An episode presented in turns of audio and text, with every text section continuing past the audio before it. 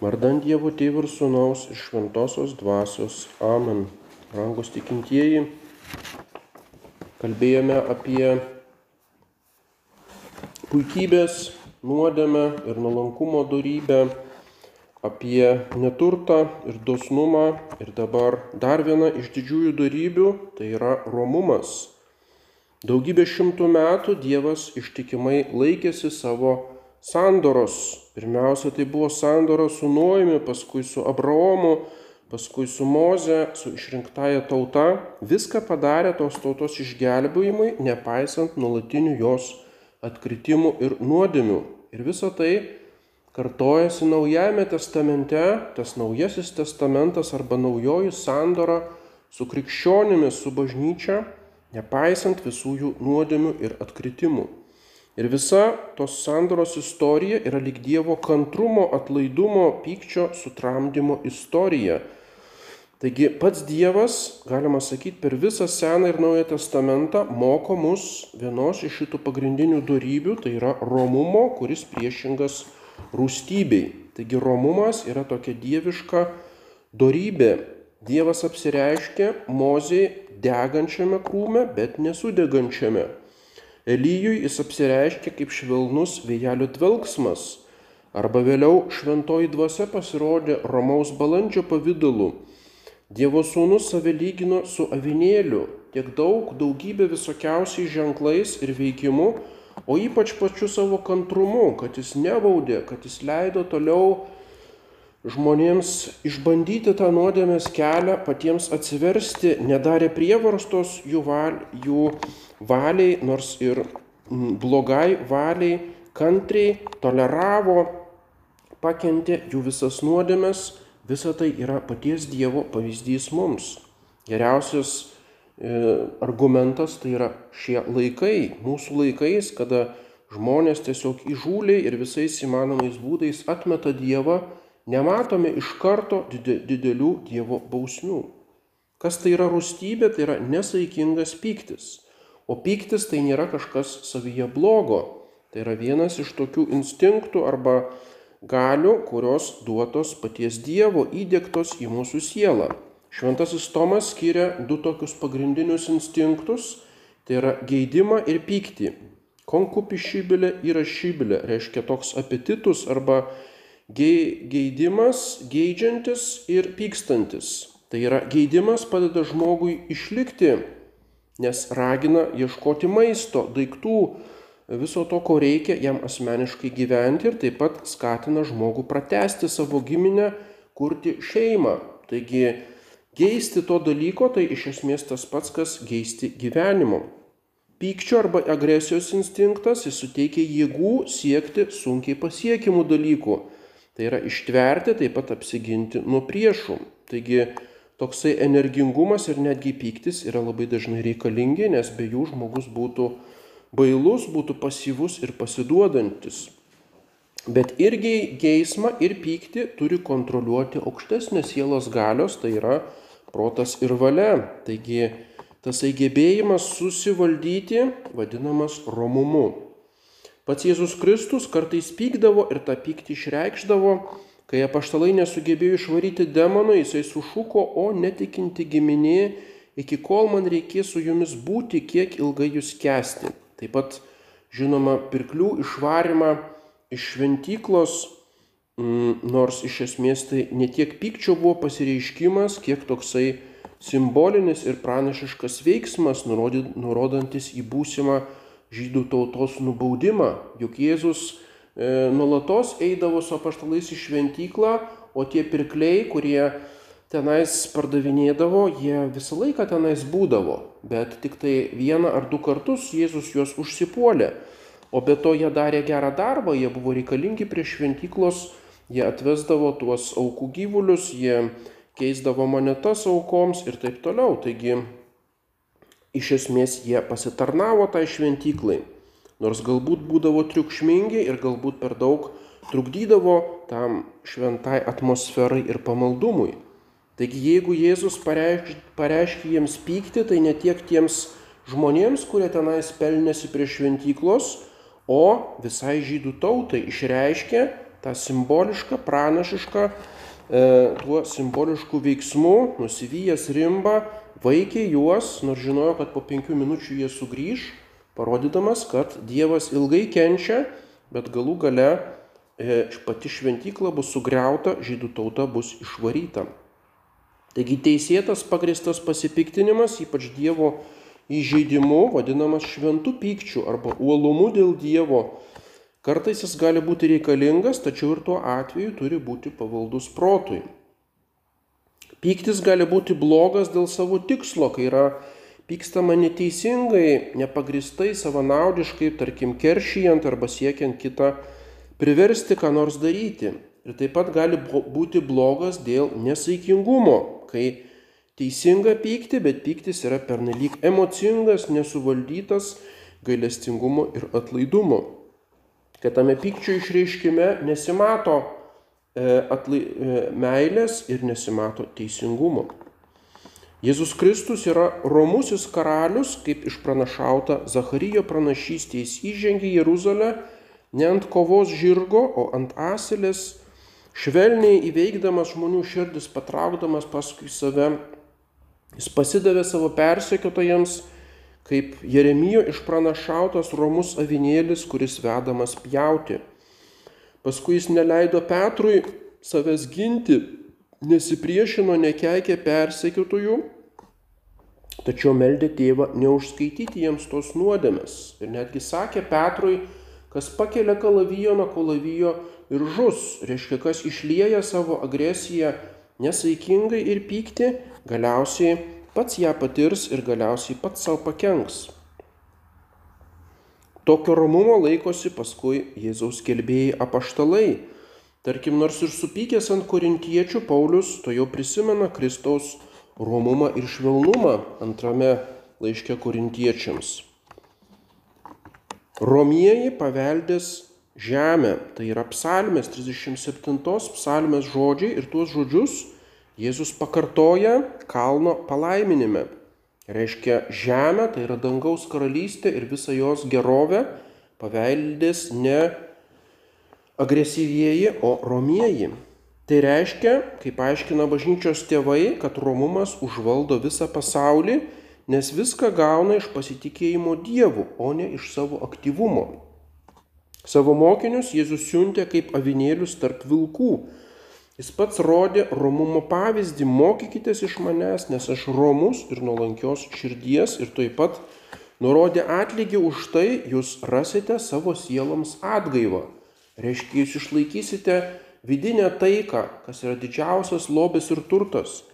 Kas iš to, kad plėšotės ir kariaujate ir kovojate, bet didžiausias dalykas tai yra išlaikyti vidinę pusiausvyrą ir viską pavesti Dievo teismui, pasitikėti Dievo malonę, o ne savo jėgomis, savo kova ir, reiškia, puolimu. Romumas nėra priešingas tvirtumo darybei bet yra betarpiškai su ja susijęs. Tai yra pyksta, pasiduoda įtučių, įtužių ir nervas, nervams tik tai silpnas žmogus, kuris neturi to tvirtumo, kuris negali nuolankiai priimti savęs apribojimo, nenori sutikti, kad kažkas vyksta prieš jo valią ir įgėdį. Ir pykdamas jis ne tik tai, kad neįveikia tų kliūčių, bet dar ir patį save padaro savo kliūtimi, tapdamas savo emocijų vergu ir netgi tampa išoriškai juokingas, reiškia, kad jisai blaškosi ir tos, tas jo blaškimasis neatneša jokių vaisių. O atvirkščiai suvaldydamas pyktį jis parodo savo viršenybę, jis parodo, kad yra vir, aukštesnis virš visos tos situacijos ir tai galiausiai yra jo didžiausia tvirtybė.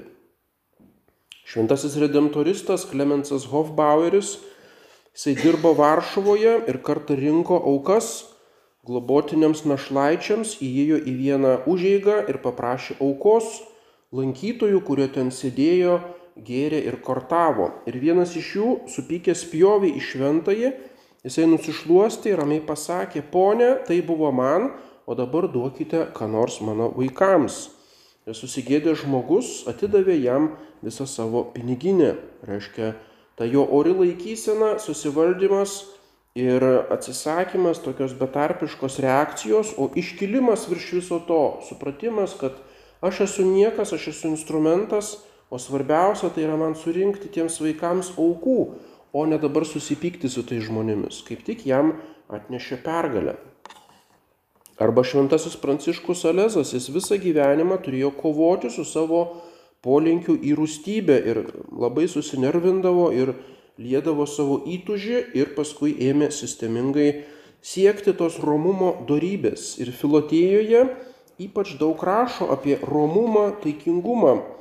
Jis cituoja paštalų Jokūbą, žmogaus rūstybė nedaro Dievo teisybės ir paaiškina, kad piktumas niekuomet nepadeda nugalėti blogio, atstatyti teisingumą, sudrausti blogą darantį nes blogį daro žmonės, kurie yra protingos būtybės, todėl juos reikia stengtis paveikti proto įtikinimais, o ne rūstybės prievarta. Tai yra visą laiką visko suvedimas į protingus argumentus, į parodymą, kad būtų geriau, jeigu tu darytum gerą, tau pačiam būtų geriau, tai yra daug veiksmingiau negu bandymas primesti jam savo valią, tiesioginis įsakymas arba kaltinimas.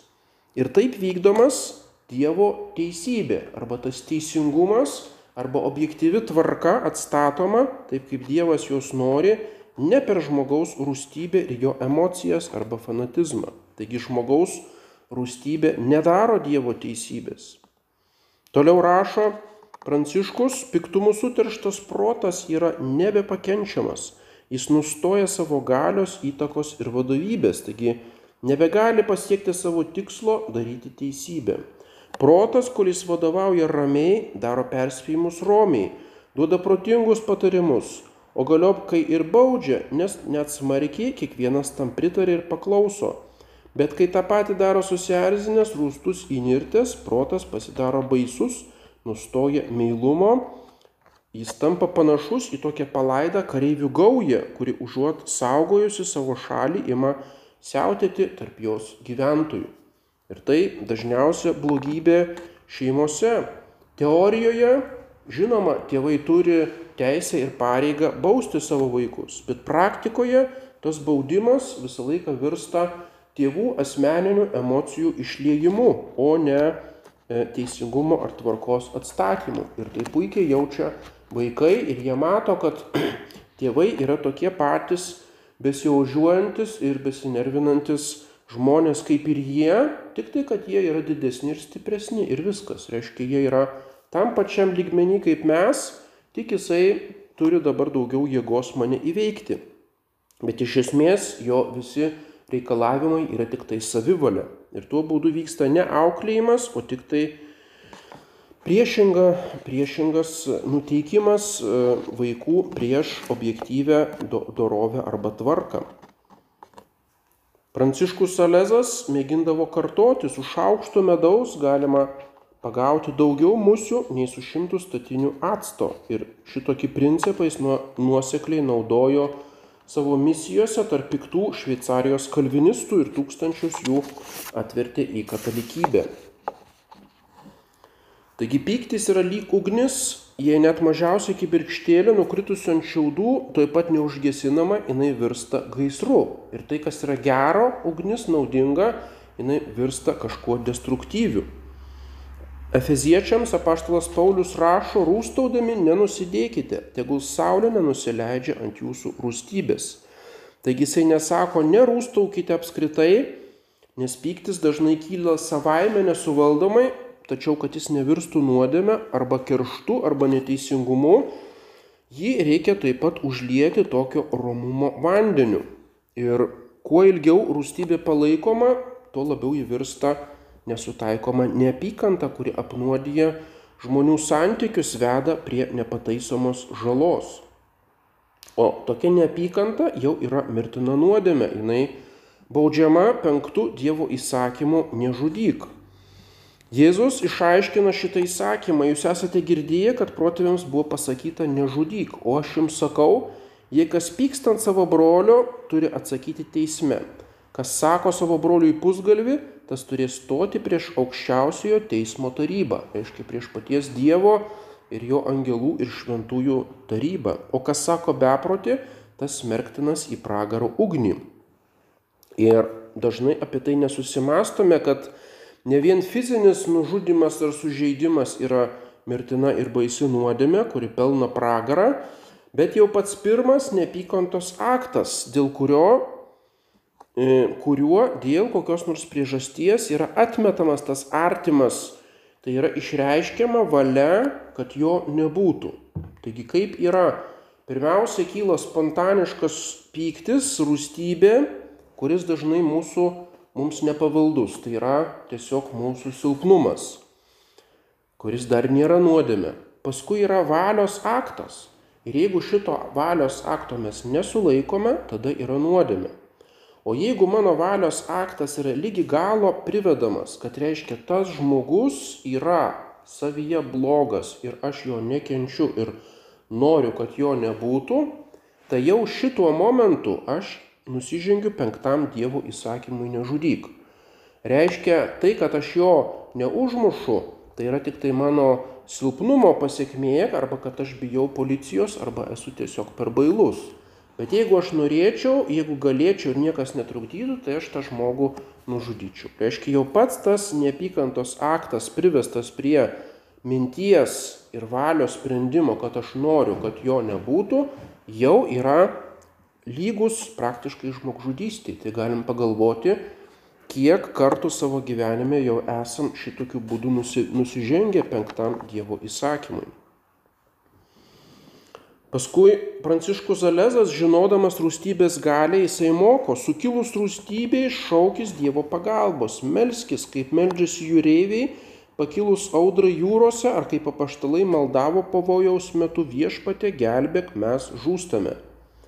Reiškia, pirmoji reakcija turėtų būti malda, o ne keiksmas. Tai yra akių pakelimas į viršų, viską pavedant Dievo teisumui, o ne akis į apačią ir mintise priešo sutrinimas su žeme, jo prakeikimas ir atstumimas.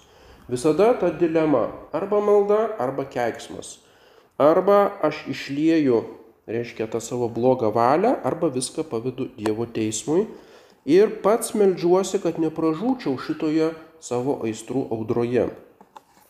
Taigi, kaip tik įmanoma, turim pažvelgti į konfliktą iš viršaus, iš Dievo perspektyvos, lyg to dangiškojo tėvo akimis, kuriam visi mūsų susipykimai yra tik tai mažų vaikų beprasmiai kivirčiai. kivirčai.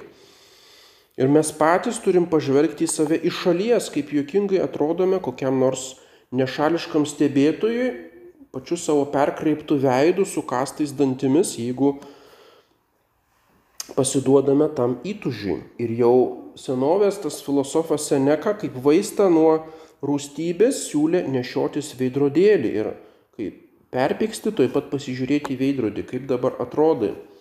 Ir Seneka sako, didžiausias vaistas nuo pykčio yra palaukimas. Tai reiškia kelias sekundės ištverti nesureagavus ir tai jau leidžia suveikti sveikam protui, numaldo pykčio jausmą ir pa parodo, kad kariauti šitą karą visiškai neapsimoka ir jisai neprives prie kažkokio bendro gėrio arba teisingumo.